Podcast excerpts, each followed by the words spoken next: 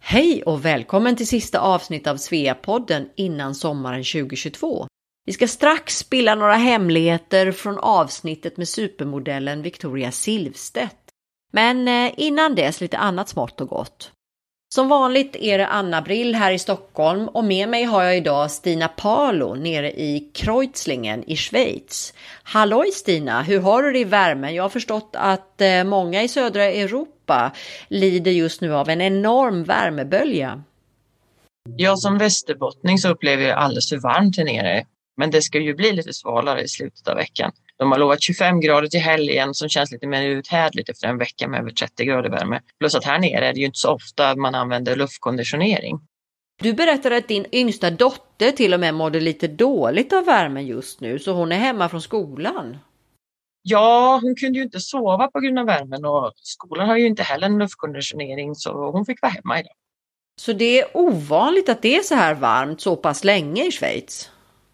Så länge vi har bott här så har det ju inte varit så här hett i juni. Några dagar över 30 brukar vi ha i juli, men aldrig så här tidigt på sommaren. Vilka skolor går eh, dina två barn i? De går i helt vanlig schweizisk skola. Och ni satte dem i den där lokala skolan direkt när ni kom ner till Schweiz 2016. Hur var det egentligen? De kunde väl inte språket då? Nej, när vi flyttade ner så kunde de ju bara svenska. Men det tog ju inte mer än drygt ett halvår så pratade de flytande tyska och förstod även schweizertyska. Okej, så i skolan pratar man då så kallad högtyska. Men hur lärde de sig schweizertyska som är en sorts eh, schweizisk dialekt av tyska? Ja, genom att de pratade med sina schweiziska klasskompisar på rasterna. Men de var ju fem och sju när vi flyttade ner så de lärde sig så otroligt fort. Och nu berättar du just att de pratar alltså både tyska, schweizertyska men också franska och engelska. Och så svenska då. Wow, det är ju helt otroligt. Ja, de har ju även börjat använda franskan sinsemellan och de inte vill att mamma och pappa ska förstå. Är det sant? Det är jätteroligt. Och som vi lärde oss i Sveapoddens förra avsnitt så blir man ju faktiskt smartare av att prata fler språk. Så ja, de, det ser ut som de har en ljus framtid helt enkelt. Ja, det hoppas man ju som förälder. Men nu måste vi också få påminna alla sveor om Sverigemiddagen som är vår årliga fina sammankomst i Sverige varje sommar. I år äger Sverigemiddagen rum i Malmö den 10 till 12 augusti och anmälan måste vara inne senast den 5 juli. Så kom igen nu och anmäl er nu alla sveor.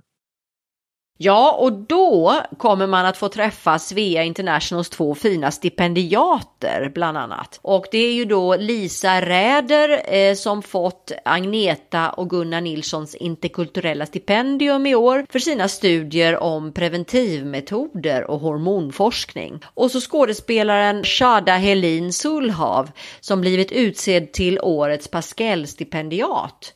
Hon har precis avslutat sin utbildning på Teaterhögskolan i Malmö och kommer att börja arbeta vid Folkteatern i Göteborg i höst. Så båda dessa fina får man träffa och såklart alla andra fina trevliga sveor om man deltar i Sverigemiddagen i Malmö i augusti. Ja, jag är ju själv i Sverige i augusti, men eh, lite längre norrut, uppe i Västerbotten i Skellefteå. Så jag kan dessvärre inte delta. Ja, men hur var det nu med Victoria Silvstedt? Eh, ni kommer ju från nästan samma ställe. Ja, hon är ju född i Skellefteå precis som jag, men flyttade ju ganska tidigt. Det var så trevligt att träffa Victoria som är en så fin och jordnära person med ett stort hjärta som brinner för Sverige.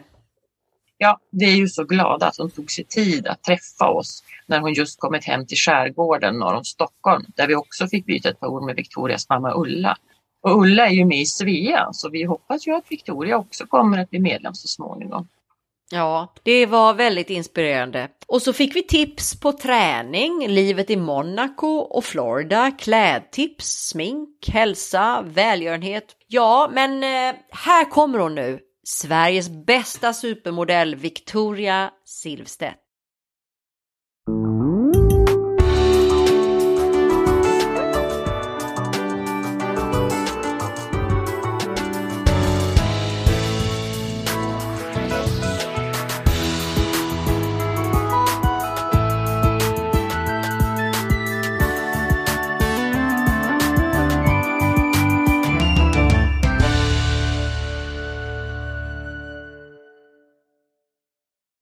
Hej, jag heter Victoria Silvstedt och jag bor just nu i Monaco, född i Norrland.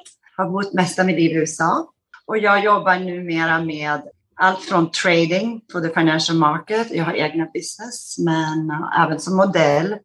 Och så är jag en tv-personality även, så jag är ganska mångsysslare kan jag säga. Hej Victoria, vad roligt att du ville vara med i Sveapodden. Du är ju uppvuxen i Bollnäs men föddes i Skellefteå, min hemstad. Världen är bra liten ibland. Kan inte du berätta lite om din familj hur det var när du växte upp? Gud, ja du, jag är född i Skellefteå, men jag bodde inte där så jättelänge. Vi flyttade sen runt ganska mycket i uppväxten. Vi var, pappa flyttade så mycket på jobb och så här. Jag bodde också i Innertavle som ligger utanför Umeå. Bodde även där. Så bodde jag i Ljusdal i Umeå och så blev det Bollnäs sen. Så jag flyttar mycket upp och ner liksom. Så jag, men jag är född, jag är norrlänning. och Bollnäs är också eh, ganska nära Hälsingland för mig. För det var där jag började liksom, skolan och tonåring. Sen flyttade jag iväg när jag var 18, drog jag iväg till Paris. Och då blev det one way ticket out. tyvärr, säger min mamma, tyvärr. Men jag tyckte det var ganska spännande liv sen, ja, när jag väl kom därifrån Bollnäs. Men det var ju en fin uppväxt. Har du något favoritminne från barndomen i Sverige? Ja, favoritminne var ju mest när jag höll på med mina hästar och slalom. Jag började åka slalom när jag var typ tre år. började tävla när jag var fem år.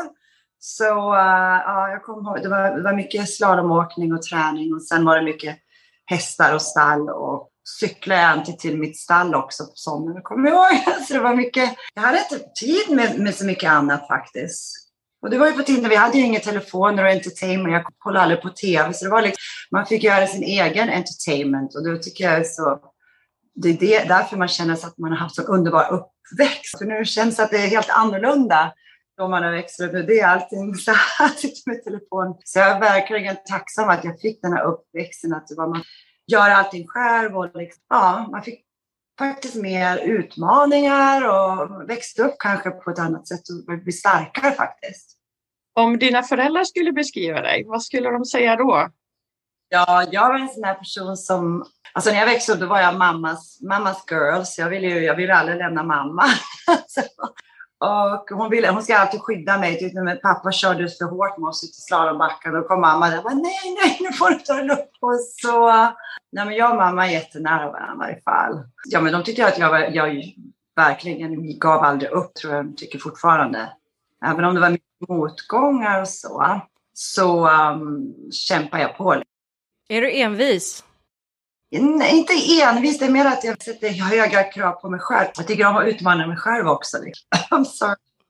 Ja, nu för tiden är man ju så rädd när man börjar hosta. Victoria, har du haft covid? Jag hade det första i början.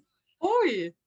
Och då visste jag inte att jag hade det, men jag hade bara lite ont i magen. Och så hade någon som jag var med, hade det, så var jag tvungen att testa mig. Då var jag positiv, men jag var i Florida då, hemma i min lägenhet, jag var på vintern. Och jag hade mycket energi. Jag, jag tränade och jag gick ut på masken hade jag på mig en vecka. Jag var tvungen att isolera sig tio dagar. Så jag, för mig var det så här, men gud, nio dagar kvar, men jag är full of energy. Det var, what's wrong with this?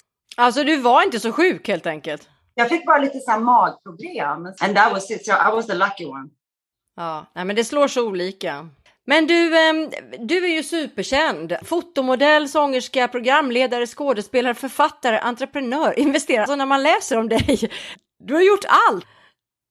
Ja, det är därför att jag tror jag är så, så nyfiken faktiskt. Hela mitt liv har jag alltid varit så men gud, nu vill jag prova på något nytt. Jag älskar att liksom tippa in på olika områden, men även fast jag har fått så mycket erbjudande på så många olika, vad ska man säga, olika områden också. Det är inte så att jag går, nu måste jag göra det, utan det är så mycket som har kommit till mig och så har jag liksom tagit, men nu ska jag ut och du, nu kör jag på det här. Till exempel med musiken. Det var någonting som jag aldrig hade tänkt på, att spela in ett album. Utan det kom bara som en slump. Jag träffade någon låtskrivare här i Sverige när jag var här på något jobb. Och de tyckte, ja, de skrev en låt till mig och bara presenterade den här Hello Hey hette den då, från 1990, vad var det, 2000 var det var ett tag sedan. Men då faktiskt så spelade jag in den och det gick bra och sen spelade jag in ett helt album. Så det var typ ett exempel vad som har hänt i min karriär. Utan en grej har lett till något annat. Sen bara hoppa på och försök på det. Och ibland har det funkat och ibland har det inte funkat. Så jag tycker det var kul att utmana mig själv. Men så du är ganska optimistisk av dig, för jag menar, det är kanske inte alla människor som skulle bara säga ja sådär, men du verkar vara en sån person som säger ja. Ja, ja, jag säger ja till livet helt enkelt. Why not? Jag tänker, men gud, får jag sådana här erbjudanden, liksom, why not? Som life is too short. And nu har vi fått bevis på det efter hela covid. Och nu känner jag, men gud vad jag har gjort mycket och jag är tacksam att jag har varit med om så mycket. Du, eh, vi är ju många tjejer som lyssnar på den här podden och vi är tjejer som gör den här podden. De flesta tycker att du ser väldigt bra ut helt enkelt. Och då undrar vi så här, hur gör du för att hålla dig i form och hur mycket tid lägger du på ditt utseende? Det blir väl mer, jag tänker mer nu efter typ, när man hit 40, det är då man börjar tänka till, nej men nu måste jag försöka hålla mig fräsch och ung och kanske äta bättre och träna mer och så. Så jag försöker faktiskt hålla en så hälsosamt liv som jag kan. Fast jag reser och flänger runt och är på mycket galor och fester och inbjudningar. Så jag försöker hitta den här balansen faktiskt. Jag, när jag har några lugna dagar då tar jag hand om mig själv. Men sen, ja det går lite så här jojo. Ibland är det full on part och sen är jag så här jättenyttig och duktig. Liksom. Så Jag försöker balansera det. Men hur mycket tränar du till exempel? Jag försöker i varje fall tre gånger i veckan och antingen så tar jag så här pilates, pass, yoga, core training och lite så här power walks. Men jag, jag, jag, har inte så här jättehård träning. Det är mer att ja, kännas i form bara och få energi. Jag känner att så fort jag går ut och går eller powerwalkar eller hajkar så man får ja, man tänker snabbare. Jag gör det mer för att bli mer alert också. Det, Mentalt? Ja, jag tycker det är viktigt att man mentalt och, och sen yoga jag också ibland om jag känner för stress. Jag går ut och reser mycket så tar jag yoga. Och när jag, där jag bor i Monaco så jag bor jag alldeles vid havet så det är så inspirerande att bara vara ute vid havet och ja, sitta där och meditera ibland. Tänker du mycket på vad du äter också? Har du någon speciell, det här får jag inte äta och det här får jag? Jag märker faktiskt att jag har mycket mer energier, otroligt mycket mer energier, för nu äter jag mycket mindre kött, mycket mindre junk food. Så jag äter faktiskt inget junk food at all. Bara sådana här nyttiga organiska och grönsaker och fisk och kyckling och du vet så här. Mycket, du vet, äh, jag försöker äta allt som är anti-aging och det har jag märkt att det är vilken skillnad, mycket, mycket energi och jag har byggt upp mitt immunförsvar så otroligt ja, jämfört med vad jag hade innan. Nu är jag nästan aldrig sjuk. Och förr när jag åt bara junk and junk, då, var jag. Då hade jag hela tiden the flu season, the cold och nu är det så här. När man märker vilken skillnad det är. You are what you eat. Ja, exakt. Ja, men det låter bra. Det är något vi kan alla tänka på. Medelhavet där man får mycket sol, vitamin D och man äter mer grönsaker och frukt om the Mediterranean diet. Så det är ganska lätt för mig när jag är där och hålla mig nyttosam också. Men när man bor i kallväder i Sverige, det är klart man vill ha lite mer ja, kanelbullar varje dag, bra Det, det blir faktiskt, jag kommer hem till Sverige på vintrarna, då blir det mer, det är självklart man äter ja, mer. Och... Så kan det bli. Berätta lite grann om din karriär som fotomodell. Vi vet ju hur det började med Fröken Sverige. Jag började, ja, det var Fröken Sverige faktiskt. Min syster och mamma skickade en bild på mig för de tyckte att det var så farligt när jag skulle åka störtloppstävlingar hela tiden och skada mig. Så fick jag vara med som Fröken Bålänge, för det fanns ingen Fröken Bollnäs. Så fick jag tävla som Fröken Bålänge. Kom vidare till, uh, uh, till Miss World. För jag, blev så här, jag kom tvåa och ettan åkte iväg till Miss Universe, tvåa för året till Miss World. Så då fick jag representera Sverige för Miss, uh, i Miss World då, 1993 var det. Och sen så fick jag så mycket kontakter efter det och drog iväg till Paris direkt efter skolan. Då, när jag hade, ja, 18 år var jag då. Sen, sen började jag liksom rulla på lite. Jag sa till mamma, jag kommer tillbaka efter sommarlovet, men det gjorde jag ju aldrig. Men så det var din mamma och din syrra som puttade in det för de tyckte att du skulle inte åka skidor så mycket? Det var, jag var mer att jag efter jag hade skadat mig på en störtloppsrace och då tyckte de mm, det var läskigt.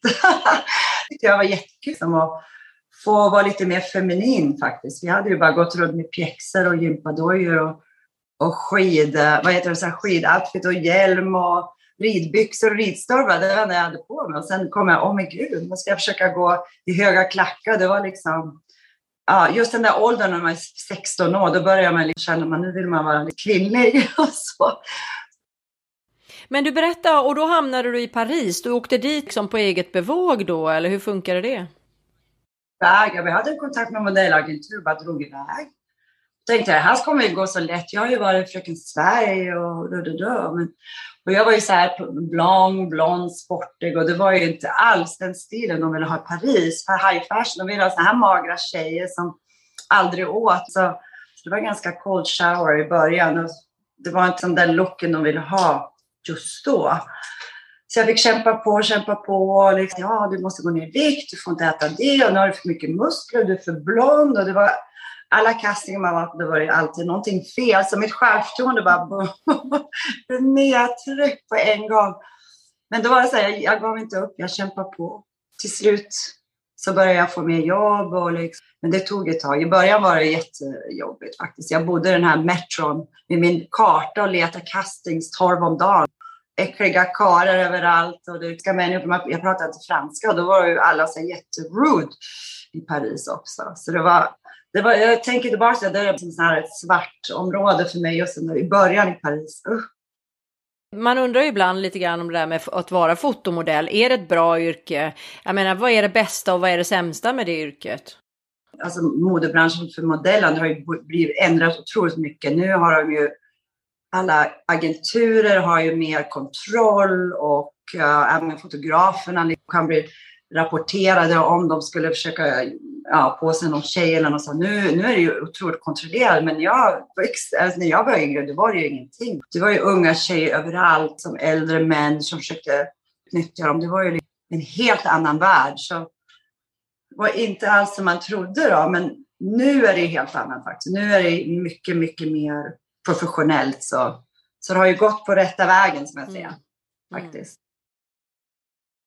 Vi läste någonstans att du har ju delat lägenhet med eh, Melania Trump i Paris, alltså USAs före detta First Lady. Hur var det? Knaus hette hon dock. Ja, vi flyttade in en lägenhet ihop faktiskt. Vi, vi båda hade... Vi träffas via någon. Hon var med en annan modellagentur. Men vi hade träffats via någon sån modellskatt och han bara, ah, båda vi bodde i någon sån här rått någonstans. Och då kände jag att jag kan bo hos min kompis fina lägenhet. Han är inte här över sommaren.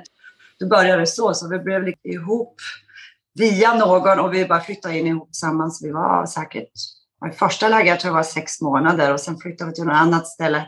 Så vi blev ganska nära vän just då. Hade varandra i varje fall och vi båda kämpade på.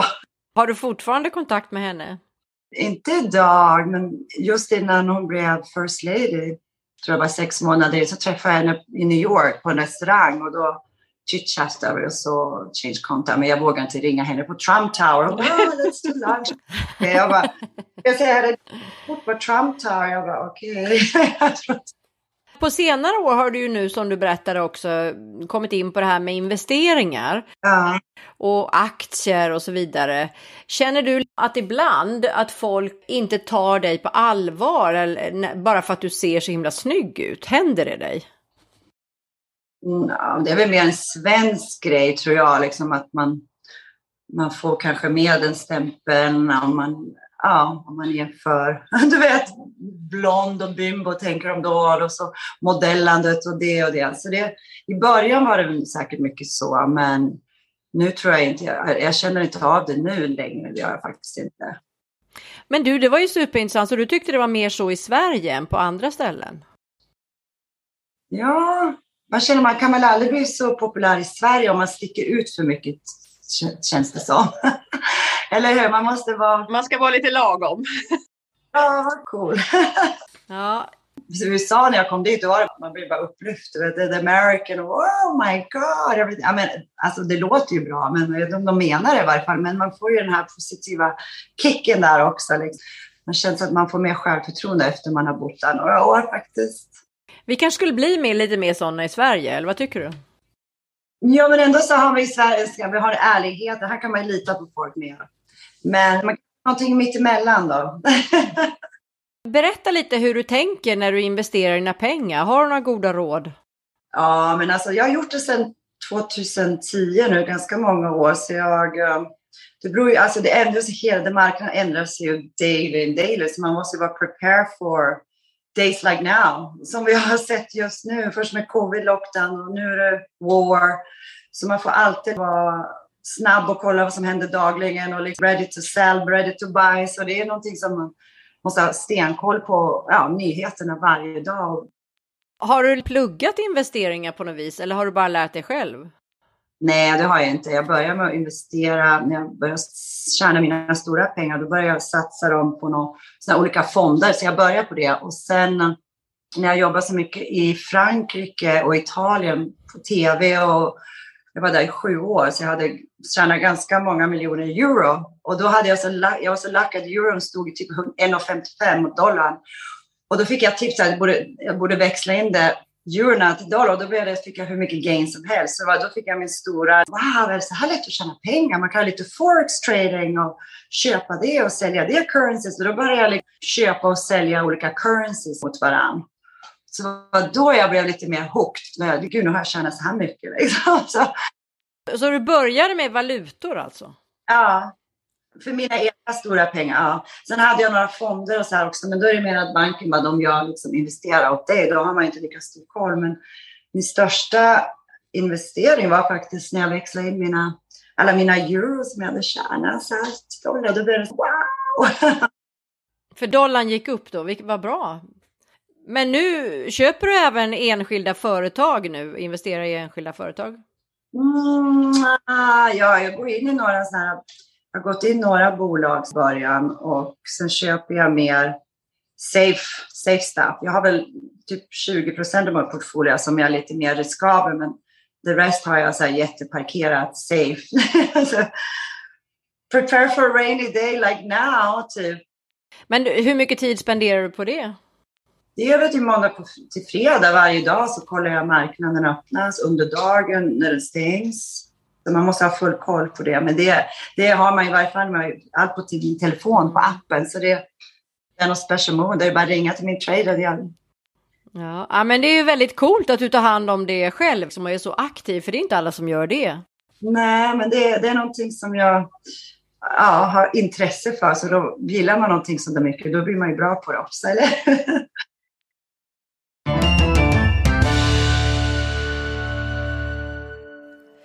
Visste du att Svea finns hemma i Sverige? Vi har fyra avdelningar i Sverige som hjälper dig att hitta hem igen. Har man bott utomlands länge så har samhället hunnit förändras och kanske har vänkretsen glesnat lite. Det är inte alltid så lätt att flytta tillbaka hem. Det kan bli en omvänd kulturkrock som man kanske inte riktigt räknat med. Man kan också behöva lite råd i en del praktiska frågor och rutiner som ser annorlunda ut nu efter många år utomlands. Och då finns Svea Göteborg, Svea Stockholm, Svea Örestad inom västra Skåne och Svea Malmö att vända sig till.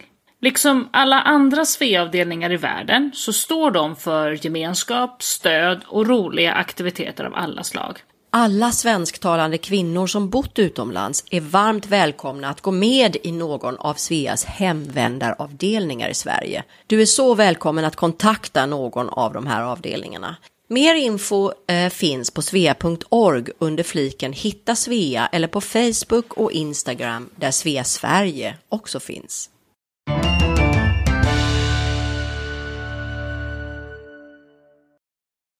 Men eh, berätta, hur ser en eh, vardag ut för dig? Vad händer? Du stiger upp på morgonen. Så nu har jag haft en vardag på jättemånga, eh, typ en månad. För jag har varit filmfestivaler i Cannes, jag har hostat mycket event, det har varit Grand Prix Monaco. Så jag har hostat mycket, jag hostade TV Festival i Monaco, det var en amerikansk streamingfestival, jag har gjort det. Sen när jag kom till Sverige, igår hade vi pressdag för det här Base of Sweden, ett uh, makeupföretag som jag är involverad i. Och idag var det skolavslutning.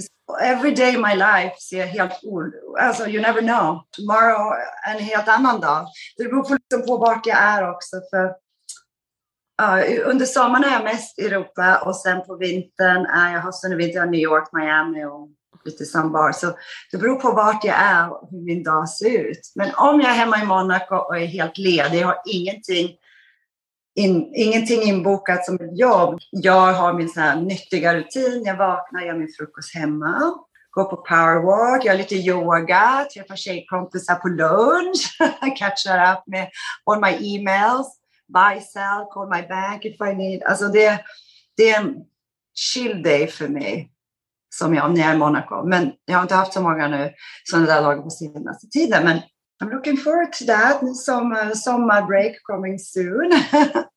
Vi brukar ju be våra gäster att ge lite tips från där de bor. Så att om eh, våra lyssnare skulle besöka Monaco, vad ska man göra där? Och vad får man absolut inte missa? Ja, ja, alltså Monaco är ju så litet, man åker igenom det på fem minuter. Men uh, jag tycker absolut man ska gå till Gamla stan, uppe on the rock, det där palatset där. Och visst, det är så vackert. De här små, det är som cobblestone-gatorna och det är så charmigt där uppe. Sen, uh, ja, självklart gå på så här Plastic Casino och kolla på det. Det är så här, Hotel Paris, Plastic Casino. Alltså det är väl mer folk som tycker om det här nightlife, good restaurant, det är väl lite mer den turismen som kommer dit också, som, som imponerad av Monaco, för det är så en liten bubble. Liten bubble. Det var mycket athletes, man ser mycket faktiskt här sportstjärnor där också hela tiden. Jag spelar tennis där. Man spelar next to Nadal och det var alla de här, alla de här Formula One drivers och all around. Så det, det är ganska coolt ställe ändå. Finns det några andra svenskar där i Monaco som du har kontakt med? Ja, ah, Pernilla Wiberg var där. Jag gjorde precis uh, ett, uh, väl, välgörenhets waterbike race i söndags. Och då var jag, vi var olika lag och då var jag med massa så, Olympian champion rugby, this and that. Men då tävlade, tävlade vi mot 20, var 20 lag som tävlade mot varandra och då var hon i ett annat lag. Och det var för Princess Charlene Monaco Foundation. Och när jag kom i mål, alla, de kom i mål, alla lagen kom och så prins Albert där och kramade om oss. Alldeles svettig, var två timmar på en waterbike ute i havet. Jag kunde dö i hans famn liksom. Det var lite kul.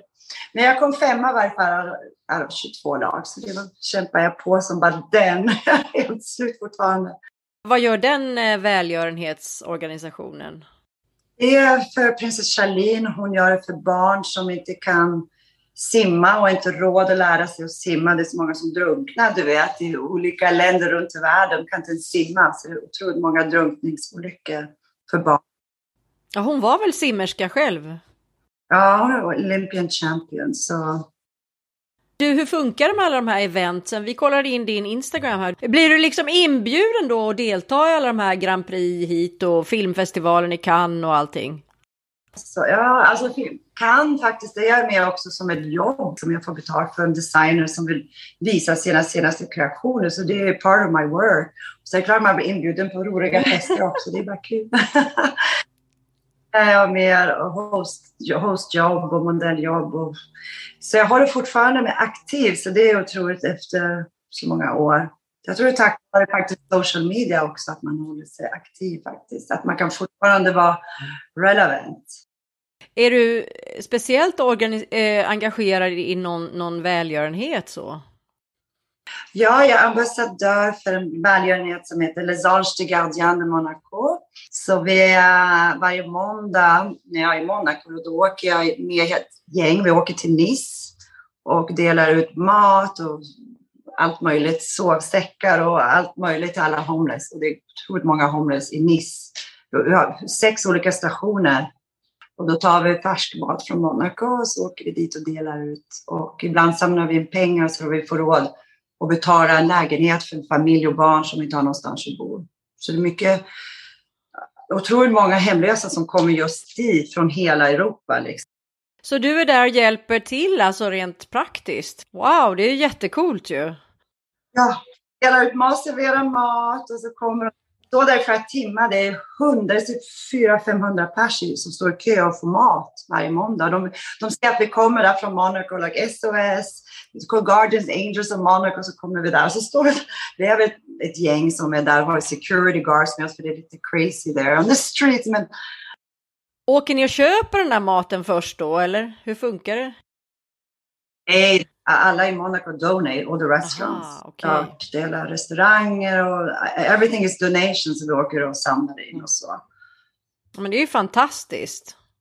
Får jag någonting att hjälpa till när man är så lycklig och bor i Monaco, that's at least I can do to give back. Men sen hjälper jag med mycket andra välgörenheter, men det är close to my heart, så jag är one of the ambassadors. So. Du, eh, vi tänkte också fråga såklart vad du tänker på när du hör ordet Svea och organisationen Svea. Ah, jag känner till Svea för mamma är med det. De, bor, de har bott i Florida på vintrarna. Så de brukar alltid vara med. Jag tror West Palm eller Boca eller Del Rey, jag tror jag. Min mamma pratar alltid om Sveorna. Nu ska jag gå och träffa Sveorna på Sveamöte. Så jag, jag har hört det hela tiden. Liksom. Och nu ska vi fira Lucia med Svearna. Hon är alltid i Florida under Lucia. Så. Tyvärr har vi ju ingen avdelning i Monaco, men vi har en avdelning på franska rivieran faktiskt. Vart då någonstans?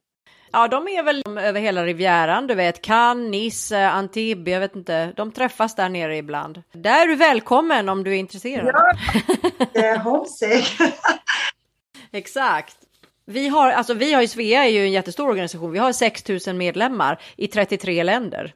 Oj då, det är nästan som hela monegask-befolkningen. De är typ 8000. Alla residents, men bara monegask. Men nu har du ju bott utanför Sverige ganska länge och du reser ju hem med jämna mellanrum. Känner du att din syn på Sverige har förändrats i och med att du har bott utomlands så mycket? Alltså det är klart man, man kommer hem, man uppskattar ju liksom naturen och du vet så rent. Och jag bara landar bara ut och andas in fräsch luft. Så där saknar jag jättemycket. Um, och just att ja, man, man känner sig, när man är typ i USA då känner man sig svensk faktiskt, det gör man ju. Men ändå när man kommer hem då känner man kanske inte lika svensk, för man har bott borta så länge. Eller, så det, man blir så här, man uppskattar det mycket mer när man inte bor här hela tiden. När man kommer hem man bara åh Sverige! Så kanelbullar och skagenröra och köttbullar. Det, man, det blir som man crave alla de här ja, goda. Vad är det bästa med Sverige för dig? Är det maten? Um, alltså det är väl just det familjen är och så att det är folk är ärliga och naturen faktiskt. Men jag tycker att jag tycker Sverige kan vara lite, svenskan kan vara lite naiva också. Sorry, det är det jag kan säga negativt. Vi tror gott om alla. Du tycker att man kan lita mer på svenskar än på många andra i alla fall? Ja, jag tycker att vi svenskar är lite för naiva. Vi tror gott, gott om alla. Du vet, att kanske inte så bra heller, eller hur? Man måste vara lite kanske Nej, precis. ja, det, enda, det enda jag kan säga negativt om oss svenskar, vi tror gott om alla liksom. Men jag är jätteglad för att vara svensk. Alltså jag håller ju på att ska flytta nu och går igenom min garderob och funderar på vad är det man ska behålla i sin garderob? Och jag misstänker, du har ju ganska mycket i din garderob. Vad skulle du säga är dina essentials? Vad skulle du kunna ge oss för tips? Vad ska varje kvinna ha i sin garderob? Åh, oh, ja, alltså. Jag har en garderob i New York, en i Miami, en i St. Barts, en här, en i Monaco. och jag har ju så olika säsonggarderober. Men om jag ska välja en garderob, min garderob, jag har, det beror på om sommar eller vinter, men jag måste ju alltid ha Jag är så här, älskar skor, snygga högklackade skor måste jag ha. ha. Girls best friend. Och så snygga, snygga handväskor. Jag är så här, det är så här klassisk, klassisk handväskor. och så någon snygg sån kappa, snygg klänning. Alltså, det beror på vart jag är. Men i Monaco har jag, min closet är bara ultra glamorous. Så kommer jag till Sverige då är det ultra non-glamour. Det är bara jeans och sneakers och t-shirts. Liksom. Så det är helt annan style när man kommer till Sverige när man är i Monaco. Ja, man ska alltså ha en garderob som passar för säsong, område. Ja. Tänk lite så. man, man, man, måste ju alltid ha sitt basplagg. Jeans, kappa, snygg väska, snygga skor, boots. Men uh, ja, i Monaco är det bara ganska glamoröst. Har du något som är en favorit i designväg? Ja, klassiska Chanel-väskor är always in och alla klassiska Birkin Kelly bags, Hermes, always in. Jag älskar min Louis Vuitton travel bags, always a win-win. och sen uh, ja, det har jag några favoriter.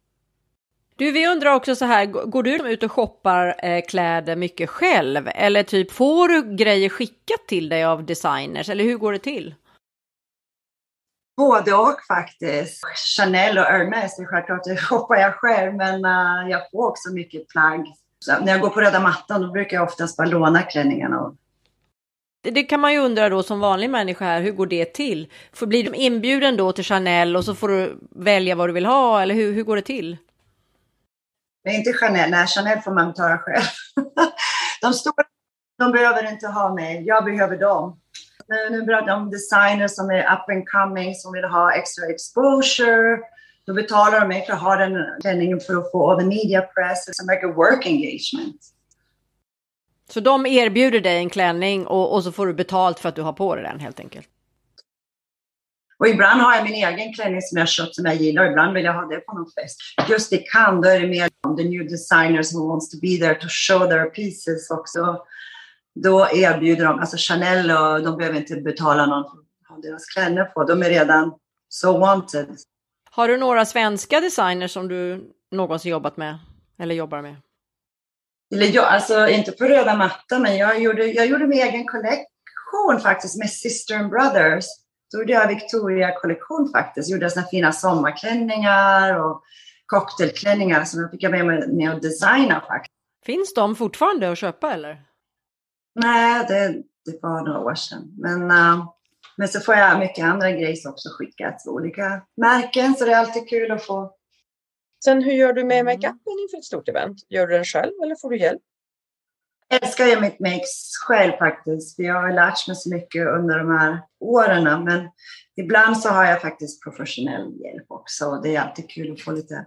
Men jag är alltid min bas själv. Jag, så här, jag vill alltid göra min foundation helt själv. Nu har jag involverad i en makeup line som heter Base of Sweden som är helt veganskt märke. Som är uh, organiskt, veganskt och mm, som jag är med och startar upp faktiskt. Och då använder jag den jämt varje dag faktiskt. Och då använder jag den själv och sen har jag en smink som kommer och fixar till retouch after. Men jag älskar att göra det själv också. Jag tycker det är jättekul. Sminkar du dig varje dag? Uh, inte om jag ska vara på gym, det gör jag inte, men om jag ska ut. Och, alltså nästan varje dag så har jag antingen någon sån här video spela in, typ cameos, memos, uh, Zoom. Jag känner nästan varje dag så har jag någonting som jag måste vara on camera, så brukar jag alltid sätta på mig någonting. Men om det är en dag jag bara ska på spa och göra gym så gör jag inte det. det händer inte så ofta. Men du, eh, vad har du för dig nu framöver här? Vad ligger i kalendern framöver?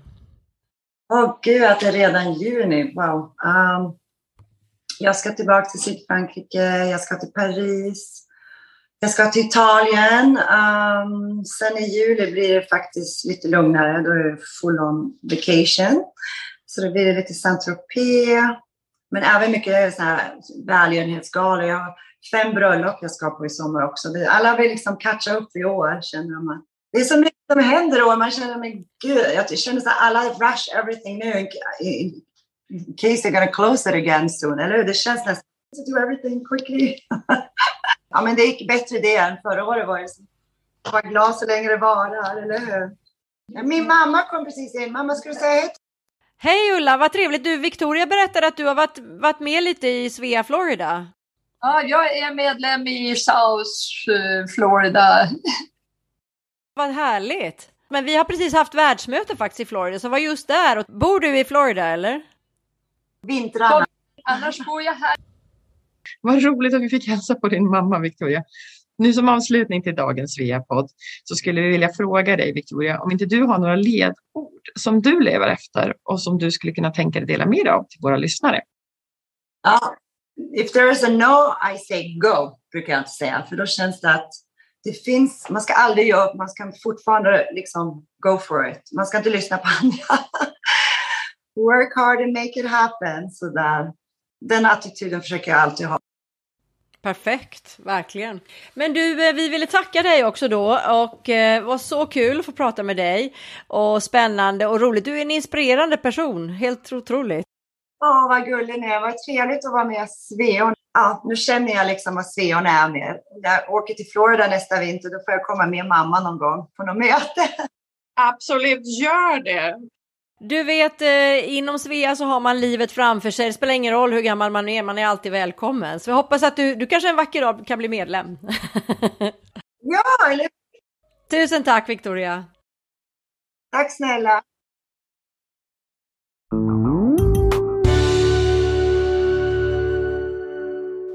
Tack för att du har lyssnat. Den här podden är inspelad och producerad för Svea International. Musiken är skriven för Svea av Fredrik Åkerblom. Alla vi som på olika sätt är involverade i produktionen gör detta som en del i vårt frivilliga engagemang för Svea. Sveapodden finns på de allra flesta ställen där du hittar poddar. iTunes, Google Podcasts, Spotify, Acast etc. Om du saknar något poddställe så skicka ett mejl till sveapodden gmail.com. Mer information om Svea hittar du på vår webbplats svea.org och i sociala medier så finns vi på Facebook, Instagram och LinkedIn och där hittar du oss som Svea International.